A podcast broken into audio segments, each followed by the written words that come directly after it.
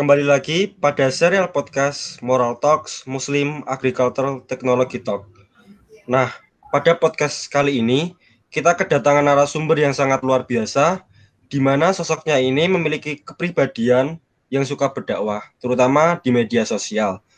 Tanpa berlama-lama, langsung saja kita sambut inilah Mas Faris. Halo Mas Faris. Halo Sultan, gimana kabarnya? Sehat nggak? Alhamdulillah masih diberi kesehatan mas. Alhamdulillah. Oke Mas Faris, kalau Mas Faris gimana Mas kabarnya? Oh aku sendiri alhamdulillah sehat. Uh, ada pepatah yang mengatakan bahwa tak kenal maka tak sayang. Maka saya persilakan Mas Faris untuk memperkenalkan diri. Oke, aku coba kenalan dulu ya biar teman-teman juga tahu nih ngomong sama siapa. Ini perkenalkan nama aku Alia Farisi dari Departemen Teknologi Industri Pertanian angkatan 2017 tua masih tiga tahun dan tua dan aku dari UGM juga sama kayak Sultan satu fakultas ya siap mas oke mungkin selanjutnya langsung saya kaitkan dengan organisasi KMTP ya mas ya mm-hmm. oke Mas Waris dulunya di KMTP itu jadi apa Mungkin ada di divisi apa gitu, Mas? Oh iya. Di uh, awal masuk dulu langsung milih KWU kalau aku. Karena di sana slow ya.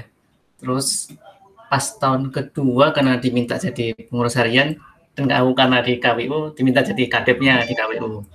Terus setelah selesai di KWU sekarang eh setelahnya diminta buat jadi ketua PKTM Biro Sustasi dan Mentoring dan tahun ini jadi dewan pendamping buat PKTM lagi gitu. Ya, mas, alhamdulillah sangat banyak pengalaman juga di KMTP ya Mas ya. Ya cuma di KMTP sih. Terus kan dari sekian banyak tadi apa pengalaman di KMTP itu hal yang sudah dilalui. Uh, kenapa kok di KMTP itu memilih yang pertama tadi kan join di KWU lah. Kenapa kok Mas Faris itu milih departemen KBU gitu mas. Hmm, Oke, okay. jadi salah satu apa ya tujuan kenapa aku milih TIP karena jurusan aku TIP ya itu pengen jadi wirausahawan gitu. Dan aku pengen ngembangin lagi di KWU terutama di KWU KMTP gitu. Dan nggak tahunya juga dapat banyak ilmu di sana terkait KWU juga. Ada apa terkait pengolahan karena kita juga di FTP ya nggak memungkiri jauh dari pengolahan hasil pertanian. Jadi kayak kita nyambungin gitu antara agama dengan keilmuan kita yang dunia ini bisa masuk lah gitu kalau sekarang bahasanya. Bisa relate. Nah, itu yang lebih pasti. itu. Oke, oke, Mas. Sangat nyambung sekali ya. Jadi hmm. antara departemen yang diambil itu wirausaha sama uh, per, apa? jurusan perkuliahan itu nyambung jadi satu gitu, Mas ya? Iya, relate. Oke, oke. Mungkin selanjutnya saya mau tanya tuh, hmm. kenapa Mas Waris kan hitungannya udah mau lulus ya Mas ya, kurang hmm. beberapa tahun lagi lah. Uh, kenapa kok masih aktif di organisasi KMTP Mas? Oke, okay.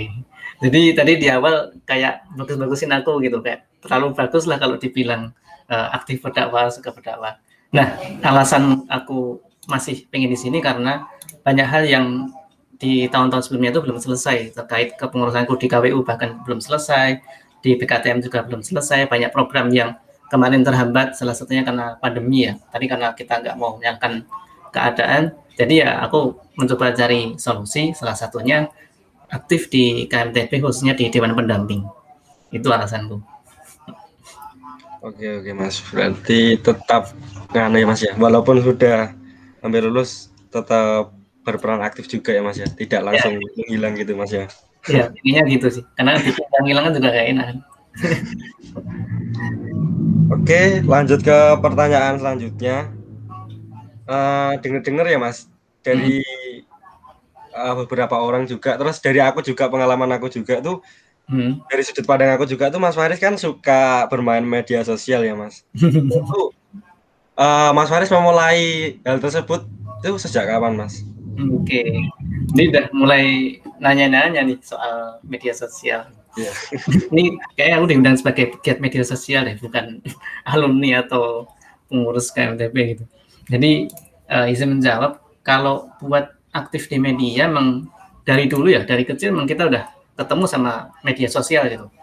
Paling legend mungkin Yahoo Mail kalau teman-teman masih ingat. Tapi karena kita agak uh, muda, jadi kita mungkin ketemunya pertama itu Facebook. Oh, udah mulai aktif main Facebook itu dari 2011 dari waktu SD. Terus pas uh, eh, 2014 akhir itu baru punya Android. jadi baru bisa main Instagram, main WhatsApp, BBM kalau masih ingat, iya. Jadi ya hampir semua sih dulu. Itu dari dulu sih sampai sekarang. Berarti sejak booming boomingnya sosial media pertama kali ya mas ya dulunya ya berarti ya sudah mulai iya. main ya mas ya. Iya karena kan pas umurnya juga kan aku generasi Z gitu. Iya pas banget.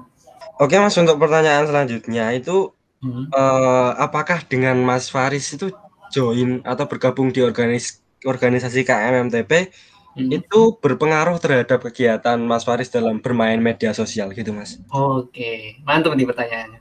Langsung nyambungin sama KMTP. Jawabannya jelas iya ya, karena KMTP sendiri kan sejak aku masuk, sejak aku masuk tahun 2017 tuh media sosialnya terutama Instagram tuh aktif banget. Bahkan di KMTP TV ya, di channel YouTube-nya itu juga aktif. Jadi secara tidak langsung pasti KMTP itu berpengaruh ke keaktifan aku di sosial media. Terutama soal konten ya, soal konten aku banyak ngambil dari KMTP. Contoh kalau ada kegiatan, terus kalau misal pas MI bikin KMTP komik dulu tahun lalu yang pas Marches jadi kadep itu aku juga ikut nge-repost dan banyak belajar dari KMTP malahan. Dan setelah itu baru bisa mengembangkan sendiri gitu. Sebelumnya memang nggak punya basic sama sekali bahkan punya Instagram 2014 sampai 2018 tuh selama empat tahun bikin story-nya nggak lebih banyak dari tahun ini gitu jadi justru KMTP ini yang kayak mengimprove aku buat makin aktif di media sosial gitu. Ya berarti uh, jawabannya berpengaruh mas ya? Iya jelas. Berpengaruh.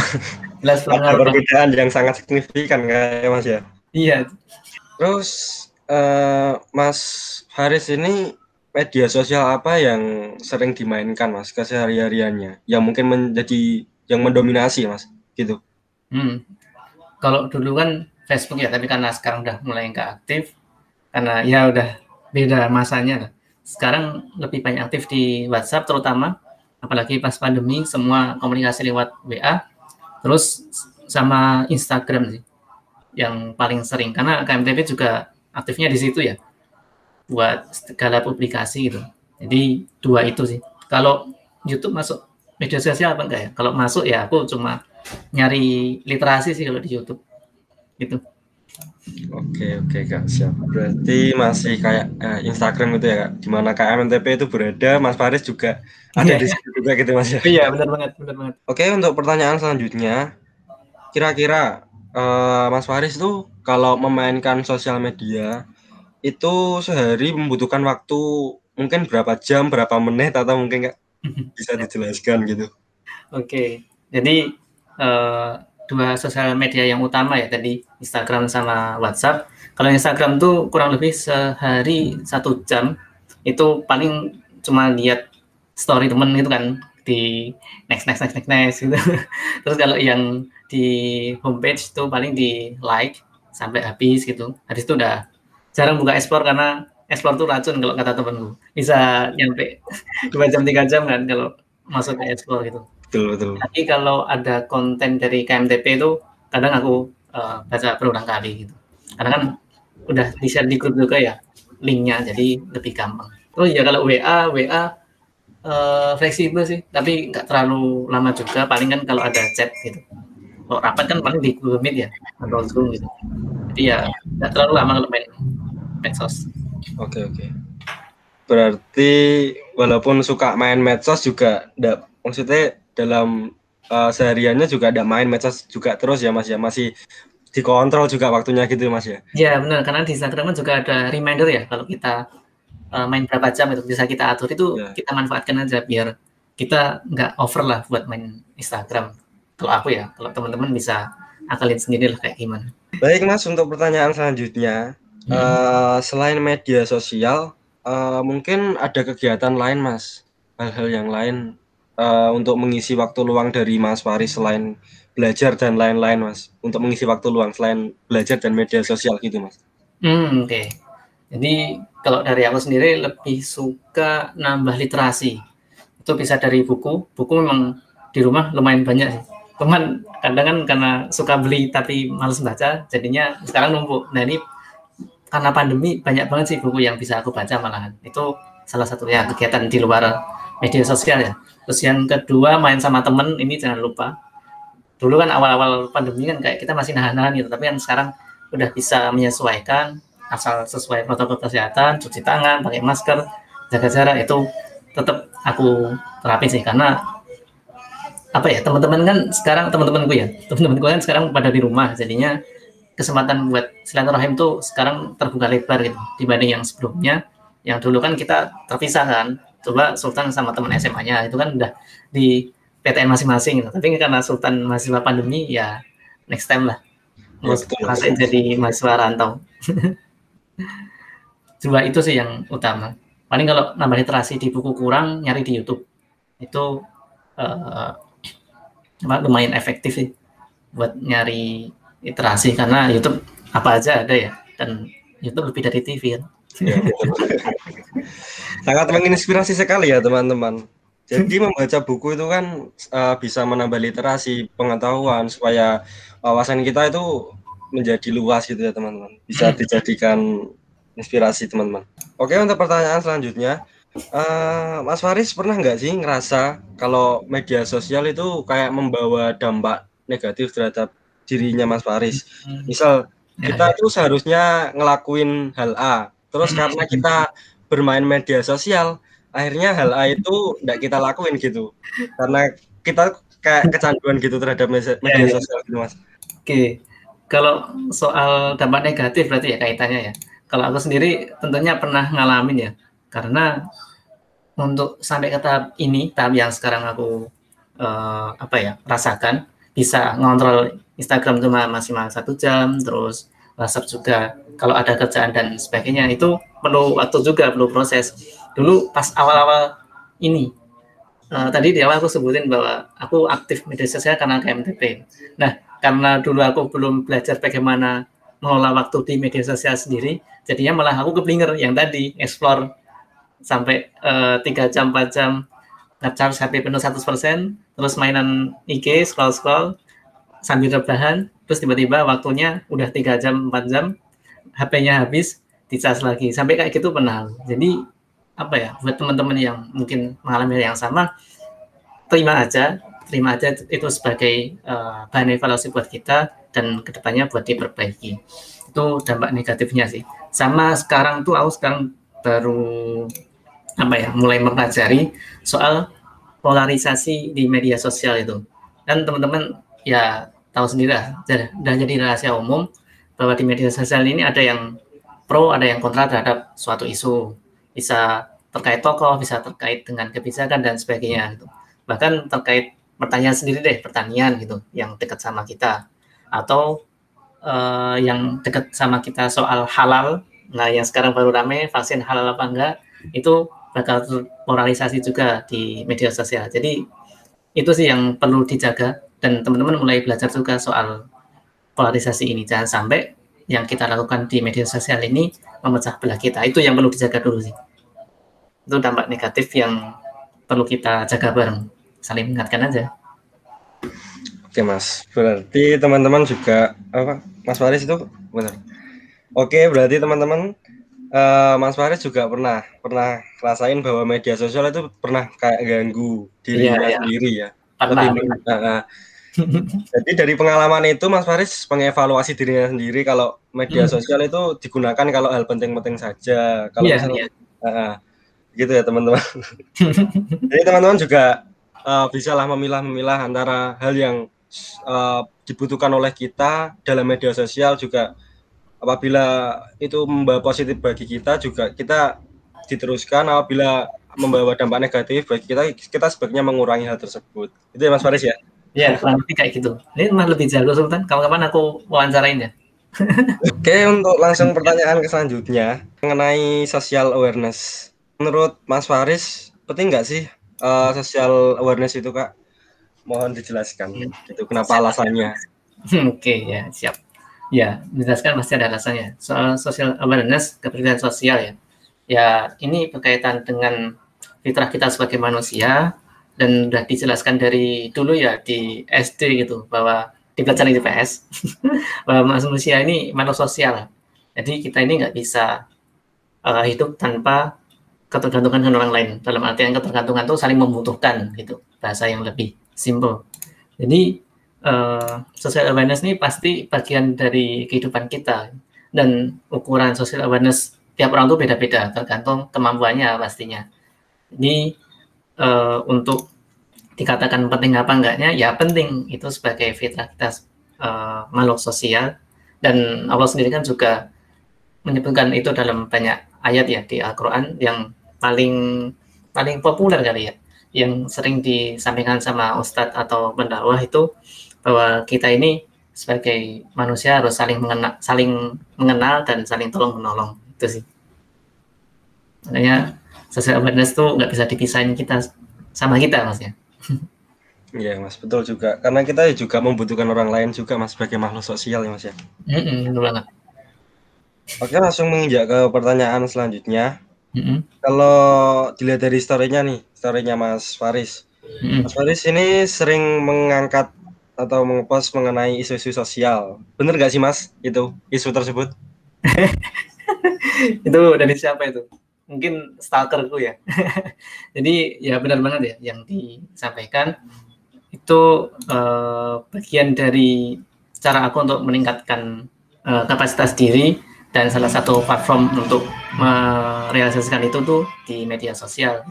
Jadi ya kalau dibilang main sering iya, cuman kalau sampai kayak konten kreator belum.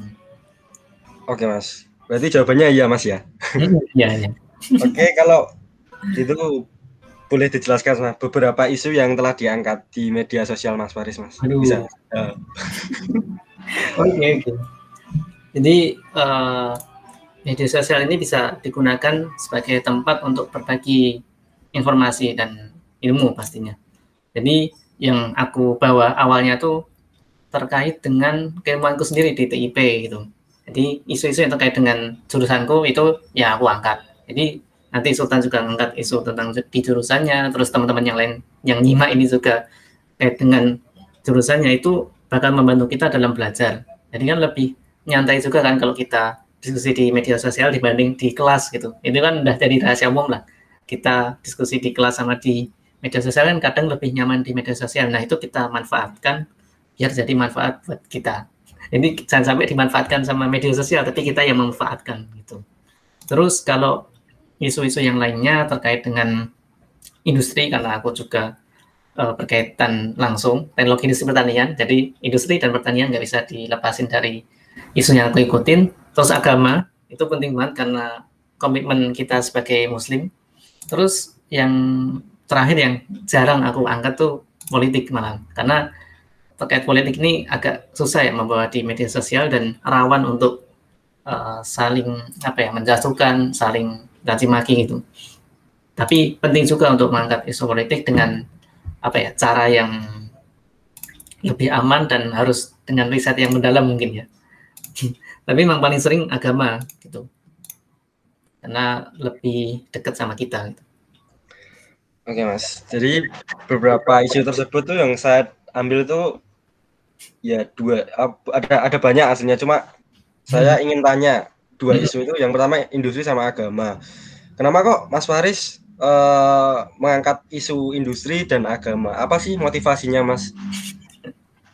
Oke, jadi di kalangan apa ya uh, aktivis mahasiswa gitu kalau karena teman-temanku banyak yang aktivis mahasiswa cuman aku sendiri enggak jadi lumayan tahu kalau industri itu sebenarnya ranah yang dalam tanda kutip kotor di sana banyak permainan di sana banyak kecurangan di sana banyak kedoliman jadi kalau industri itu tidak dikaitkan dengan agama maka akan lebih zolim lagi gitu. Maka situ aku terbuka buat mm, apa ya mengkaitkan dua hal itu. Walaupun memang selama ini agak susah karena apa ya bahasanya terlalu tinggi terlalu teknis dan aku sendiri kan belum jadi pelaku industri gitu.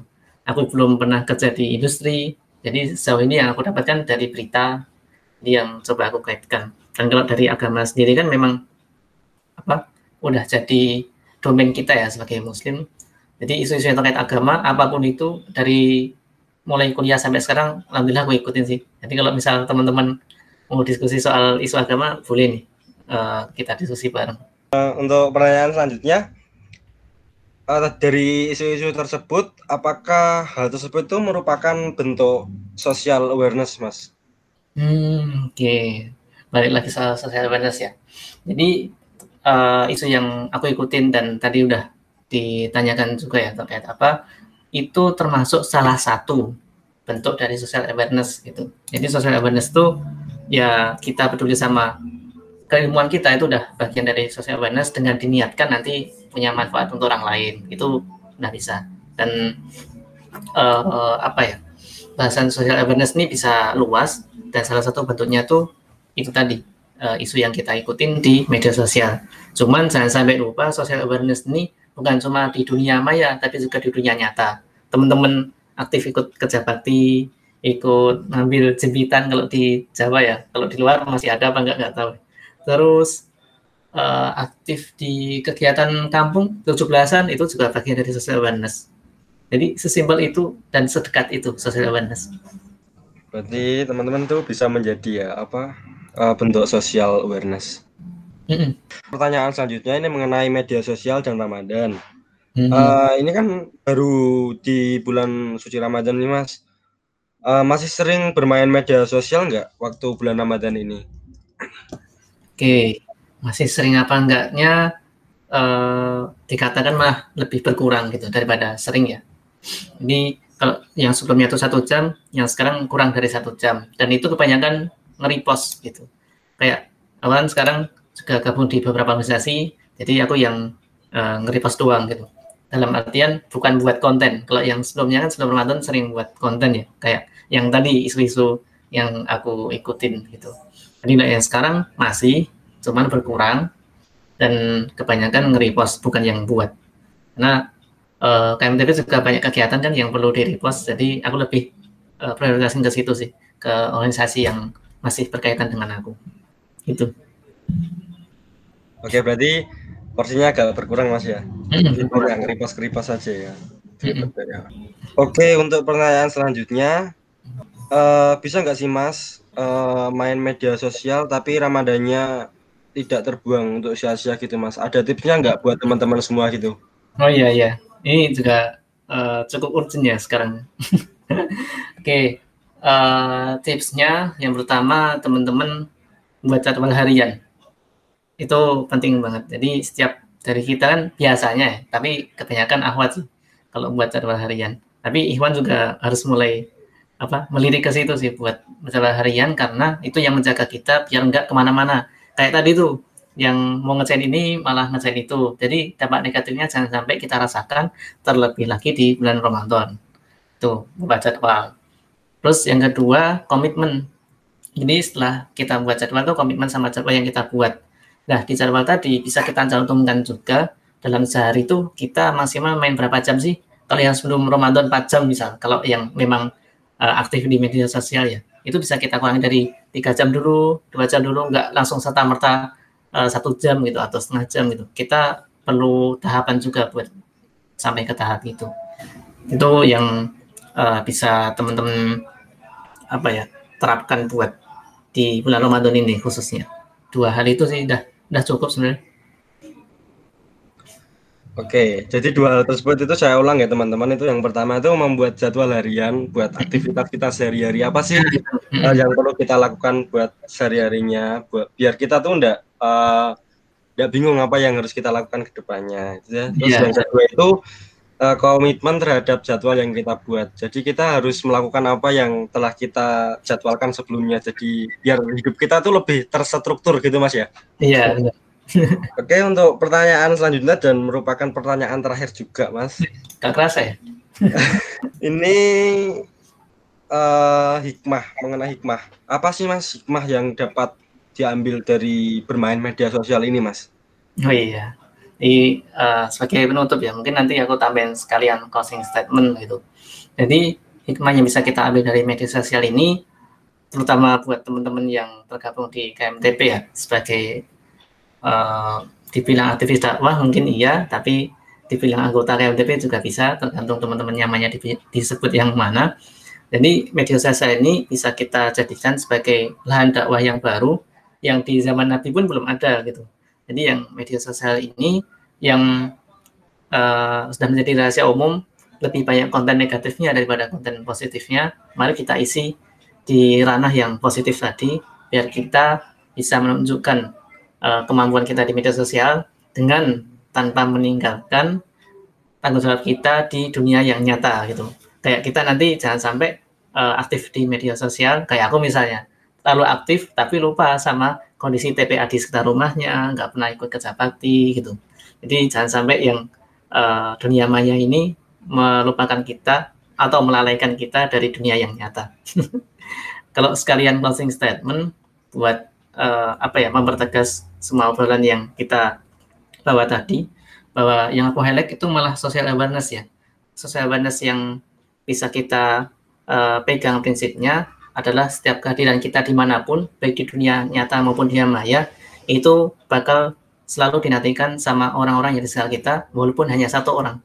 Dan di situlah kemampuan kita atau tantangan buat kita itu selalu diuji, selalu ditingkatkan agar kita nanti punya pertanggungjawaban di akhirat nanti dan bisa uh, apa ya bisa menjawab lah apa yang ditanyakan sama Allah sama malaikat.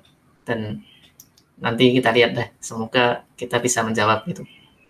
Amin. Sangat menginspirasi sekali teman-teman kisah dari Mas Faris ini dari awal hingga akhir Hmm. dan semoga kita juga bisa meniru hal-hal positif yang uh, dicerminkan oleh Mas Faris ini untuk kehidupan kita sehari-hari. Hmm. Uh, dan sudah tidak terasa teman-teman sudah di penghujung acara. Hmm. Uh, dari perbincangan ini saya dapat menyimpulkan mengenai media sosial bahwa bermain media sosial itu tidak selamanya berdampak buruk bagi kehidupan kita selama kita masih bisa memilah antara hal-hal positif dan hal-hal negatif. Seperti hmm. Mas Faris ini, uh, dulunya emang uh, kecanduan dalam bermain media sosial, yeah, yeah. tetapi uh, uh, berkat pengalaman atau hal-hal yang telah dilalui, Mas Faris itu mengevaluasi hal-hal tersebut dan ke depannya uh, di untuk diperbaiki dan diterapkan dalam kehidupan sehari-hari supaya tidak menimbulkan hal-hal negatif. Gitu teman-teman. Kemudian jangan lupa tadi juga ada beberapa tips dari Mas Faris mengenai bermedia bermedia sosial yang tepat itu di antaranya yang pertama adalah membuat jadwal harian mengenai hal-hal yang apa yang kita lakukan untuk sehari-harinya dan mm-hmm. kita berkomitmen terhadap jadwal yang sudah kita buat gitu. Iya. Uh, untuk selanjutnya saya berterima kasih terhadap uh, kepada Mas Faris yang yeah. telah meluangkan waktu dan tenaganya di bulan Ramadan ini untuk sharing kepada teman-teman semua mengenai pengalaman-pengalamannya. Semoga sharing pada hari ini membawa berkah dan manfaat bagi kehidupan kita ke depannya. Amin, amin. Amin, amin. Uh, dari saya cukup sekian. Wassalamualaikum warahmatullahi wabarakatuh. Waalaikumsalam warahmatullahi wabarakatuh.